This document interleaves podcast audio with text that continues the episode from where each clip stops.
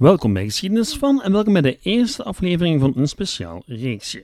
Speciaal, want we gaan ons vanaf nu om de zoveel tijd ongegeneerd in de persoonsgeschiedenis storten. Wel, een beetje. Ehm, we gaan het namelijk hebben over vrouwelijke heersers van de Lage Landen. Vrouwen die over het algemeen opvallend weinig aandacht hebben gekregen van historici. Wat helemaal niet wil zeggen wil dat ze niet bestaan hebben. Integendeel, ze waren vaak van groot belang, maar de schijnwerper viel nu eenmaal vaker wel dan niet op man, broer of zoon lief. Vandaag draaien we het ding, de schijnwerper dus, in de richting van de vrouwen die, op zijn minst in naam, heersten over de lage landen. Beginnen doen we met twee afleveringen over gravinnen in de lage landen.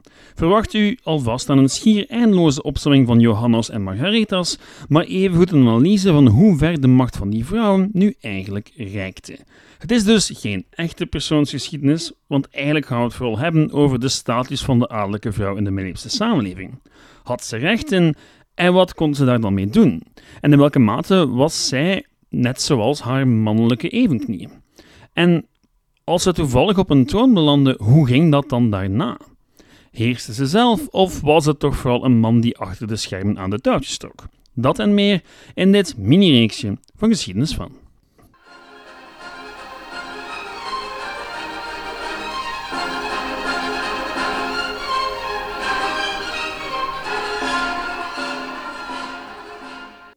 Ik weet het, dit reeksje wijkt een beetje af van het pad dat we al even bewandelen. Het voorbije jaar kreeg u steeds afwisselend een aflevering over een historische figuur, het waarom van een land, een jaartal en dan iets eerder banaals, zoals bijvoorbeeld een aflevering over voeding. Nu, in de laatste bevraging bleek dat sommigen van u heimwee hebben naar de tijd dat ik het enkel en alleen over Belgische geschiedenis had en bij uitbreiding die van de Lage Landen. Om hen tegemoet te komen voeg ik een categorietje toe. Geschiedenis van de Lage Landen. Met het eerste reeksje gaan we in op een vraag die me al fascineert sinds mijn universiteitsdagen. Als de middeleeuwse en vroegmoderne maatschappij zo overheerst werd door mannen, hoe komt het dan dat je hier en daar vrouwennamen tegenkomt die heersten over onze streken? En dat sommige daarvan zelfs redelijk bekend zijn bij het brede publiek. Ik ben er namelijk van overtuigd dat de meeste van jullie mij minstens één vrouw kunnen noemen die op een bepaald moment heerste over de lage landen, of op zijn minst over een deel ervan. Um, als u naar het merendeel van de afleveringen van deze podcast geluisterd heeft, mag dat alvast geen probleem zijn. Als u dan ook nog eens een Nederlander bent, nog veel minder, want ja, Nederland heeft nu eenmaal een pak meer ervaring met koninginnen dan België. Al is met prinses Elisabeth de volgende in lijn wel degelijk een vrouw. Desalniettemin kunnen de meeste Belgen zich wel één of twee namen voor de geest halen van vrouwen die ooit over onze streken geheerst hebben. Al moet ik toegeven, met één naam kan je al meerdere keren raakschieten. Maria of Margaretha bijvoorbeeld.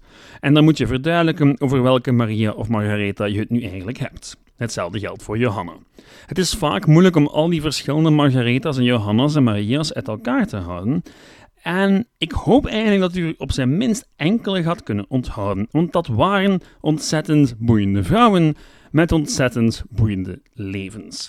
Vandaag beginnen we met de gravinnen en later zullen we het ook nog hebben over de landvoogdessen, de aartshertogin en misschien zelfs een keizerin.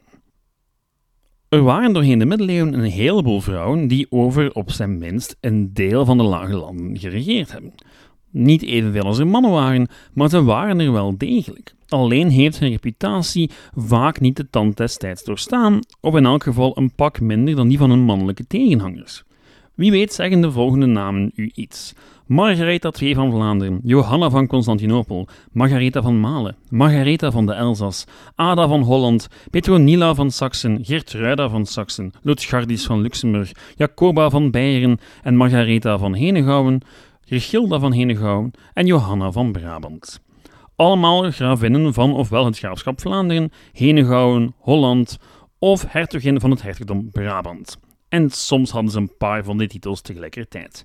Ik heb me tot die vier beperkt, want als ik alle vrouwelijke gravinnen van de lage landen moet gaan opsommen, dan zit ik hier morgen nog. Het gebeurde immers veel vaker dan je denken zou dat een vrouw de enige erfgenaam was voor een titel. Aan zich niet onlogisch voor een tijdsperiode waarin de sterftegraad redelijk hoog lag. ja, men kon veel kinderen krijgen, maar dan gingen er ook veel kinderen dood, logischerwijze. En in een tijd waar een heerser ook een legeraanvoerder was, ja, dan is het niet helemaal logisch dat er af en toe iemand sneuvelde en dat al wat overbleef een vrouw was. Die cultureel nu eenmaal niet verplicht was om zich op een strijdtoneel te gaan vertonen. Nu moeten we wel een onderscheid maken tussen een gravin, die niet meer is dan de echtgenoot van een graaf, en een gravin die wettelijk heerst over het graafschap. Of ze dat in de praktijk ook doet, is dan weer een andere zaak, maar daarover heb ik het volgende week. Nu, hoe raakte een vrouw aan echte politieke macht in de lage landen in de middeleeuwen? Wel, twee mogelijkheden.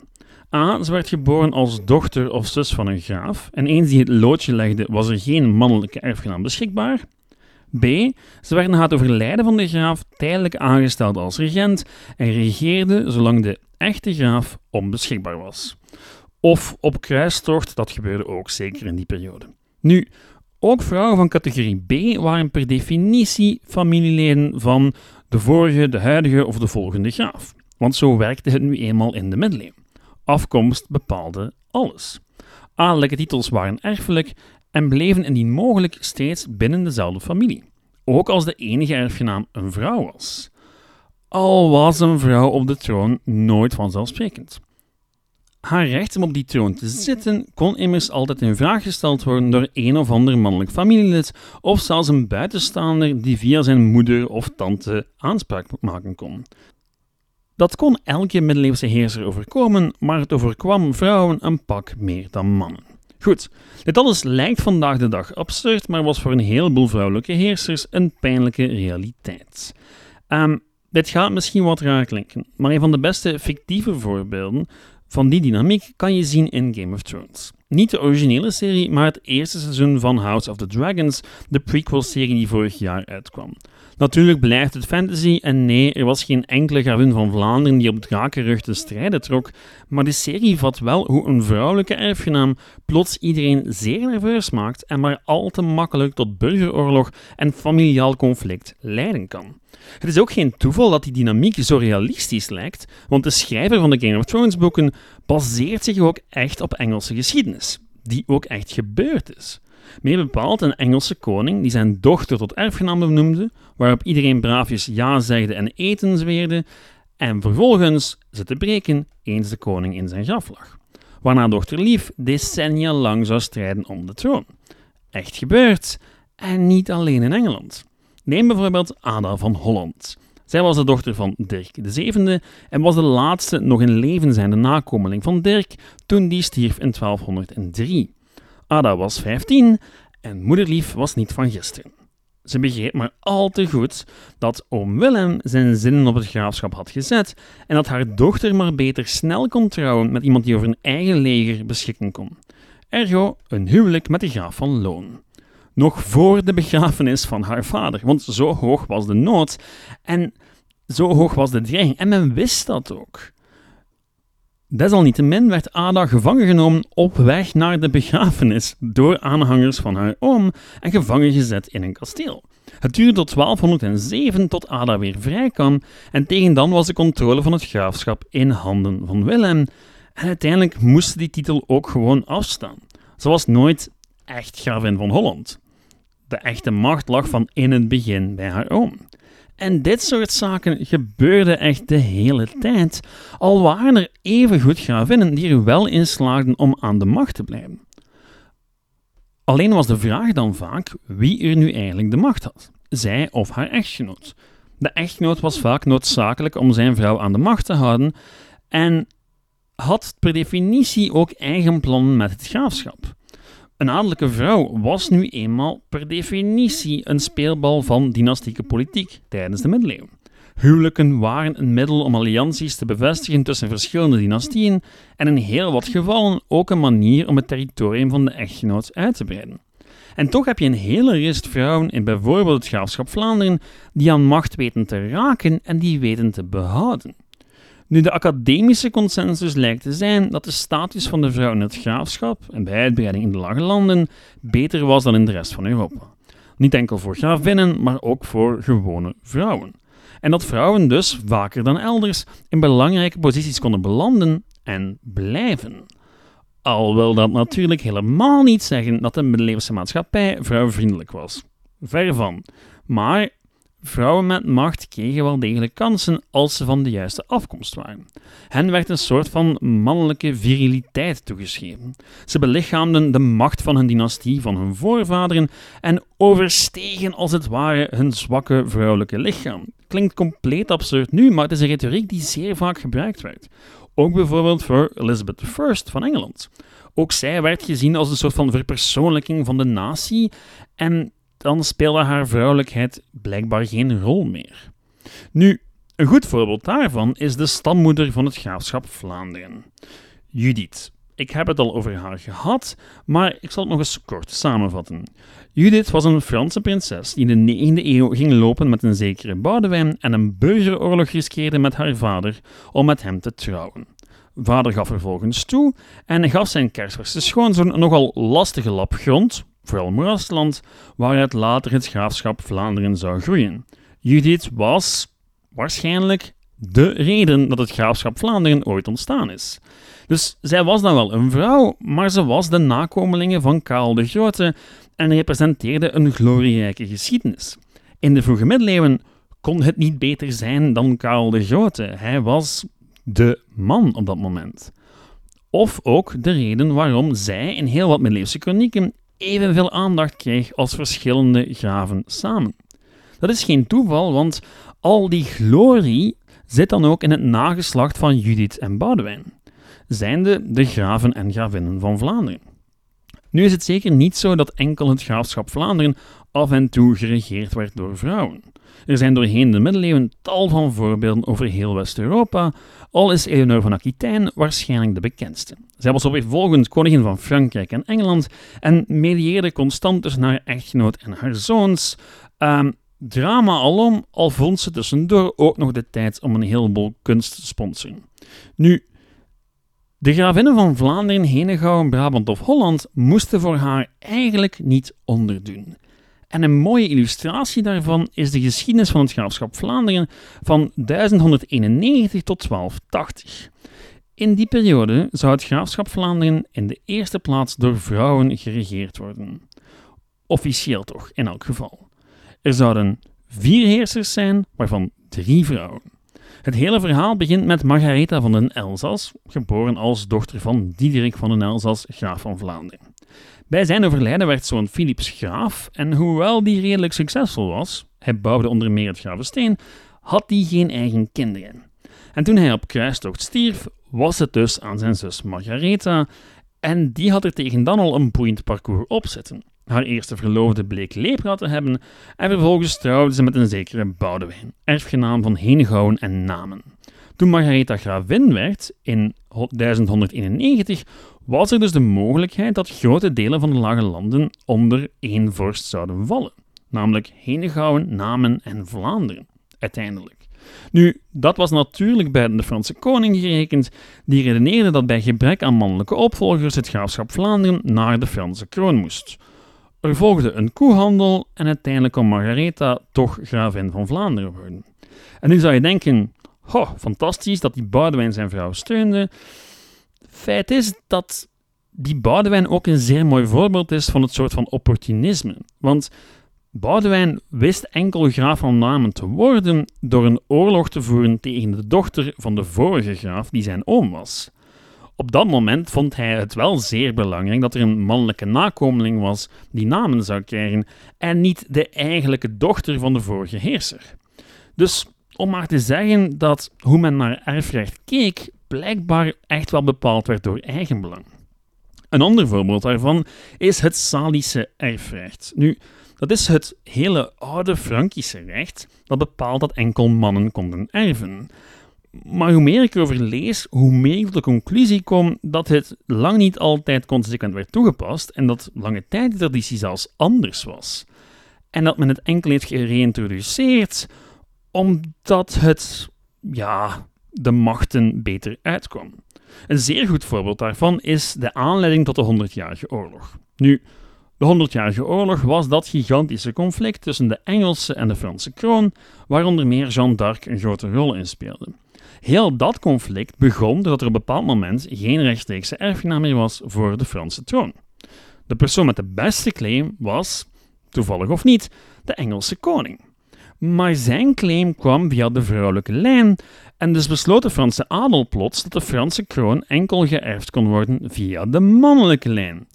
Wat inging tegen een heleboel tradities en recht, maar de onwil om onder Engelse heerschappij te vallen was zo groot dat men daar een mouw aan paste en dat de Stalische wet plots als het van het beschouwd werd. Nu, dit is terzijde, maar enkel om aan te tonen hoe flexibel erfwetgeving wel kon zijn als het de machtigen der aarde goed uitkwam. Zwat, terug naar Vlaanderen, waar Margaretha van den Elzas al drie jaar na haar aantreden als gravin overleed. Zij werd opgevolgd door haar zoon, Boudewijn IX van Vlaanderen, die vooral bekend zou worden als keizer van Constantinopel. Jawel, zeer boeiend, maar een verhaal voor een andere keer. Nu, dat keizerschap liep niet al te goed af en hij sneuvelde al in 1204, waarna de acht jaar oude Johanna gravin van Vlaanderen werd en in de handen viel van de Franse koning. Die Franse koning die duikt overal op. Het is niet altijd dezelfde, maar omdat hij nu eenmaal niet zo belangrijk is voor dit verhaal, ga ik hier niet al te veel aandacht aan besteden. Wat je moet weten is dit: Franse koningen wouden altijd de macht van het graafschap Vlaanderen inperken en zoveel mogelijk zelf in handen krijgen. Ergo waarom ze zich constant gaan moeien met elk huwelijk en elke opvolgingskwestie. Goed, nu, die Franse koning die wou in 1204 ten alle kosten vermijden dat een of andere Engelse prins met Johanna zou trouwen en daardoor grip zou krijgen op Vlaanderen. Op dat moment nog steeds het rijkste graafschap van heel West-Europa. Nonkel Philips werd regent tot het moment dat Johanna trouwde met een door de Franse koning goedgekeurde Portugese prins.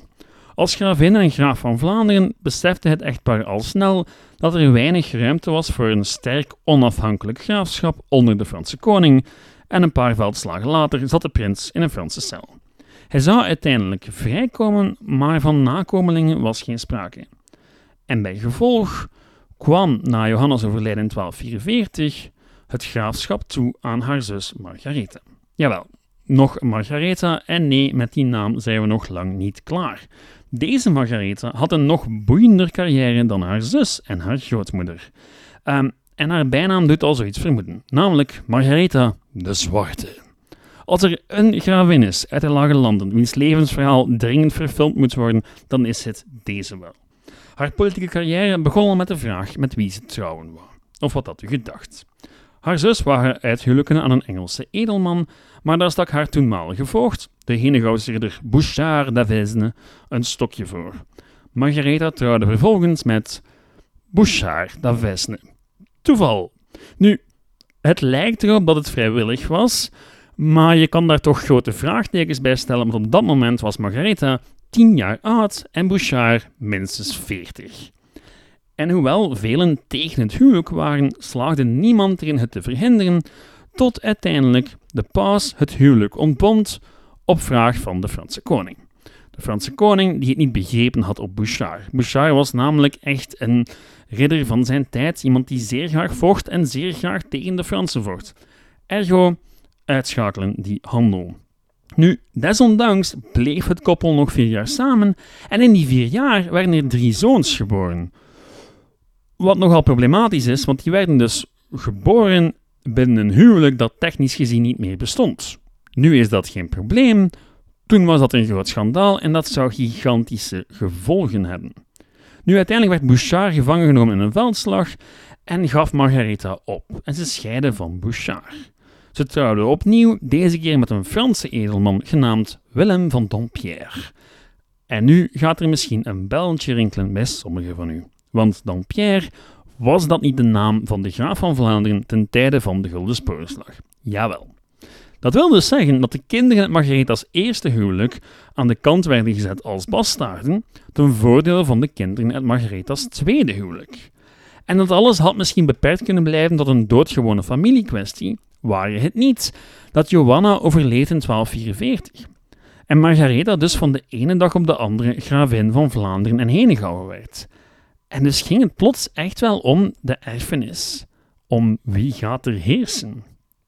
En toen besloot Bouchard, die jarenlang in Italië had gezeten, om terug te keren naar de lage landen. om bij aankomst onthoofd te worden in Rippelmonde op orders van Margaretha.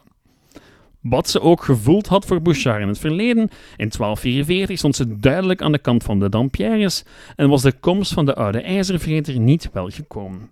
En wat volgde was een lange, kostelijke burgeroorlog die zou eindigen met de logische splitsing van Vlaanderen en Henegouwen tussen de Dampierres en de Avesnes. Nu, dat is een verhaal voor volgende week, net als dat van hoe Margaretha mee zorgde voor de bloei van de steden en het verhaal van nog minstens twee andere Margaretas.